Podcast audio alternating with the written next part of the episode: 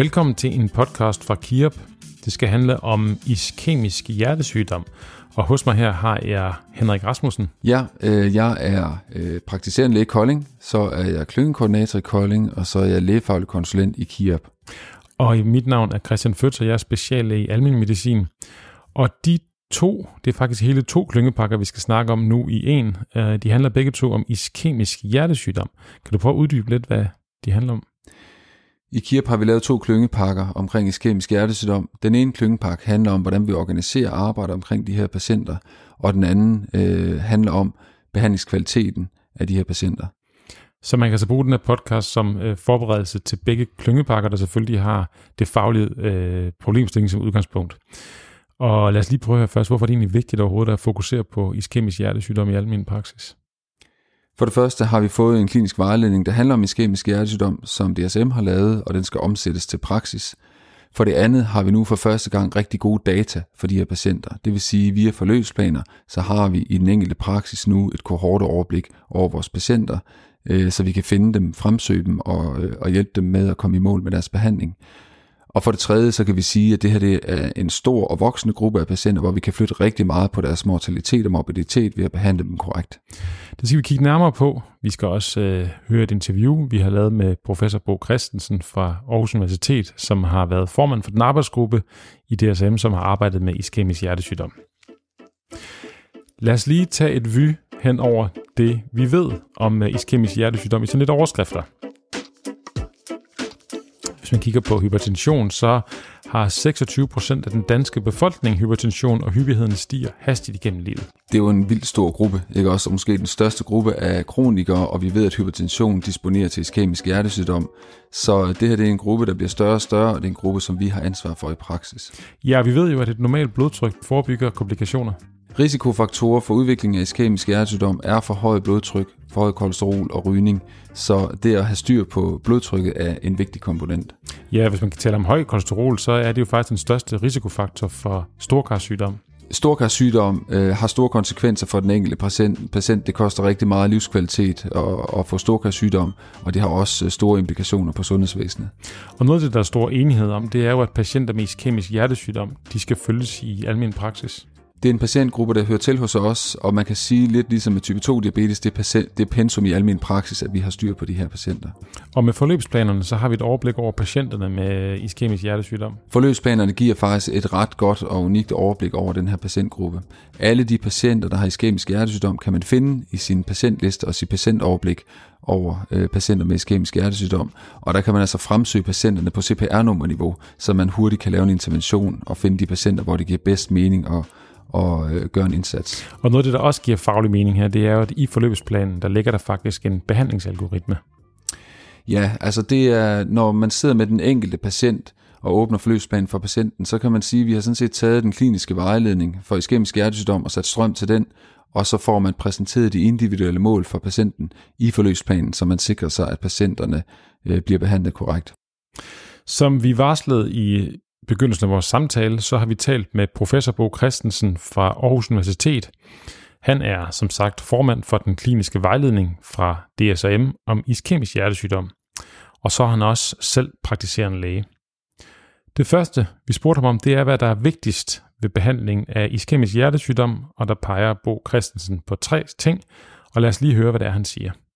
Ja, det vigtigste, det er selvfølgelig, øh, hvis vi kigger på de klassiske risikofaktorer, det er jo at være med til at få eventuelle ryger til at, at, at stoppe med rygning, og samtidig sikre, at de får et optimalt øh, kolesteroltal gennem en intensiv øh, kolesterolsænkende behandling. Men helt sikkert også at være med til at hjælpe dem, at de får et godt liv. Så tre ting, som professor Bo Christensen peger på. Rygestop, optimalt kolesteroltal og et godt liv. Og, mm, men når, Henrik, når vi nu taler om øh, medicinsk behandling af forhøjet kolesterol, så det er jo ikke kun kolesteroltallet eller blodprøven, vi kigger på. Øh, vi kigger sådan lidt mere på samlede risikofaktorer, og når man kigger på den gruppe, så kan man dele dem op i to. Dels er der risikanterne, som endnu ikke har fået iskemisk hjertesygdom, og så er dem, der har kendt iskemisk hjertesygdom. Og vi har jo talt om, at i forløbsplan, der ligger der faktisk en behandlingsalgoritme. Det er rigtigt nok, og den kliniske vejledning fra DSM øh, betoner også det her.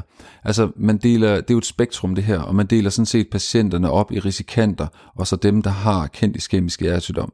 Hvis man er risikant, øh, og ikke får medicin, men har forhøjet kolesterol eller blodtryk, så kan vi jo bruge det, vi kender som HeartScore, øh, som er sådan en scoringstabel, øh, der fortæller os, hvornår det giver mening at behandle patienterne.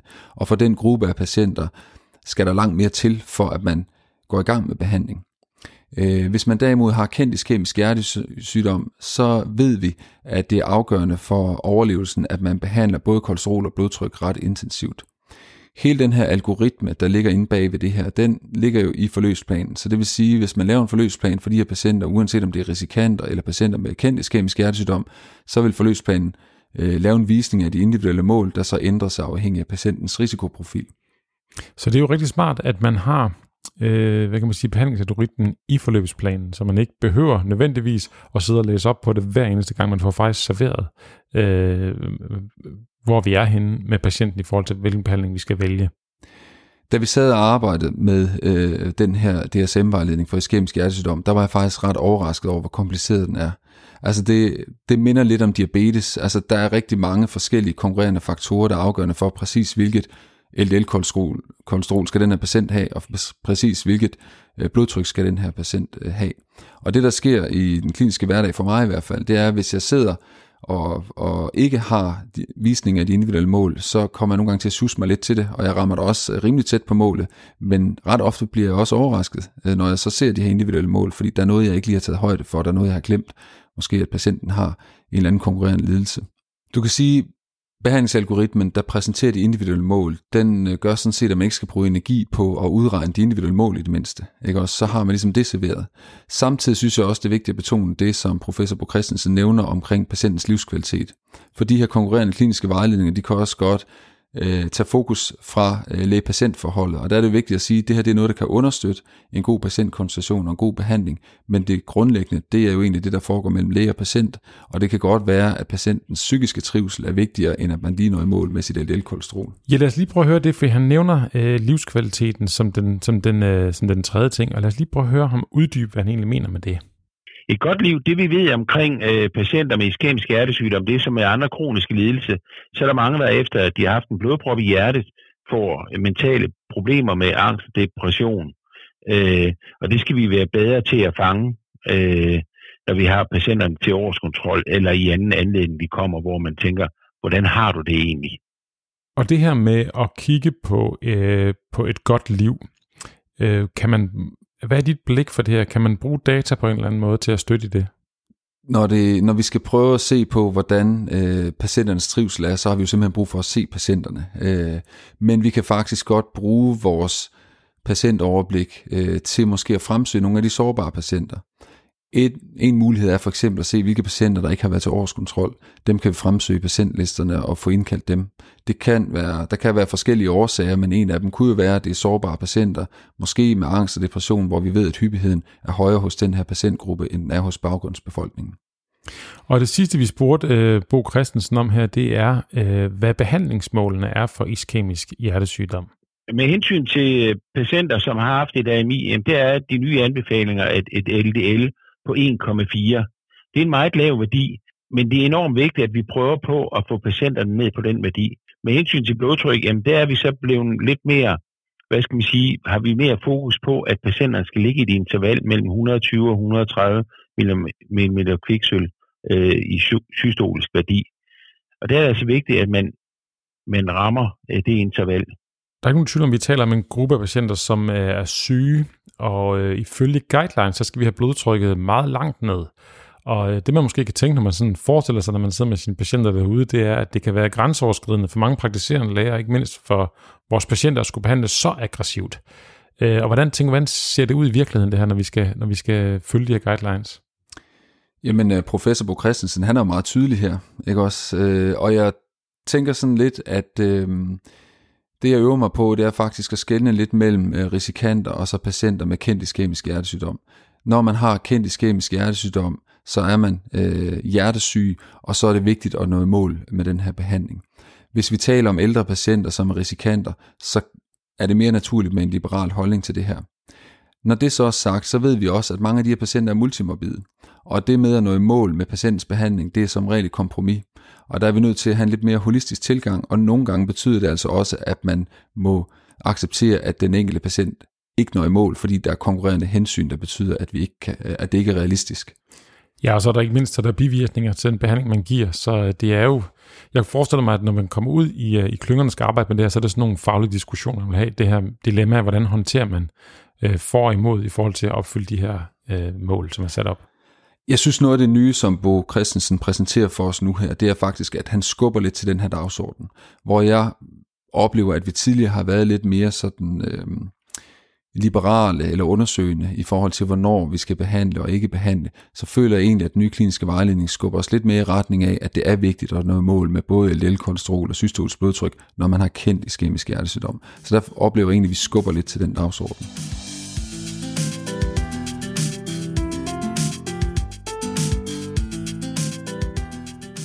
Som sagt, så øh, når vi taler om iskemisk hjertesygdom, så er der jo to øh, klyngepakker, som det ligger op til her.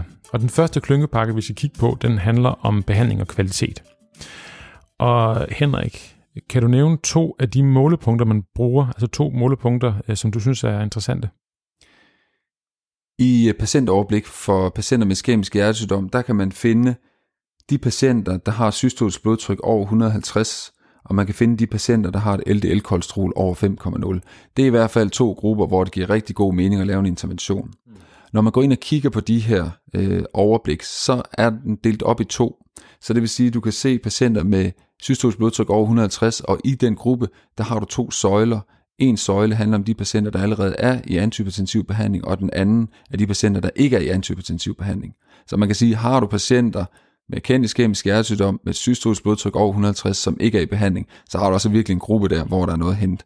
Og det samme gælder for LDL-kolesterol over 5,0. Det er jo langt over øh, den værdi, øh, som øh, hvad hedder det, Bo, Bo Christensen han nævner øh, i sin anbefaling. Og her kan du altså også skelne mellem to søjler, hvor den ene søjle beskriver de patienter med LDL-kolesterol over 5,0, der er i behandling, og dem, der ikke er i behandling.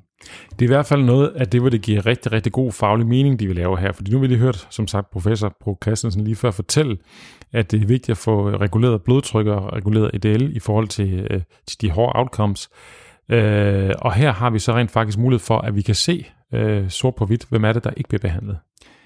Jeg vil sige, at vi har arbejdet med det her i vores klynge godt nok omkring patienter med type 2 diabetes.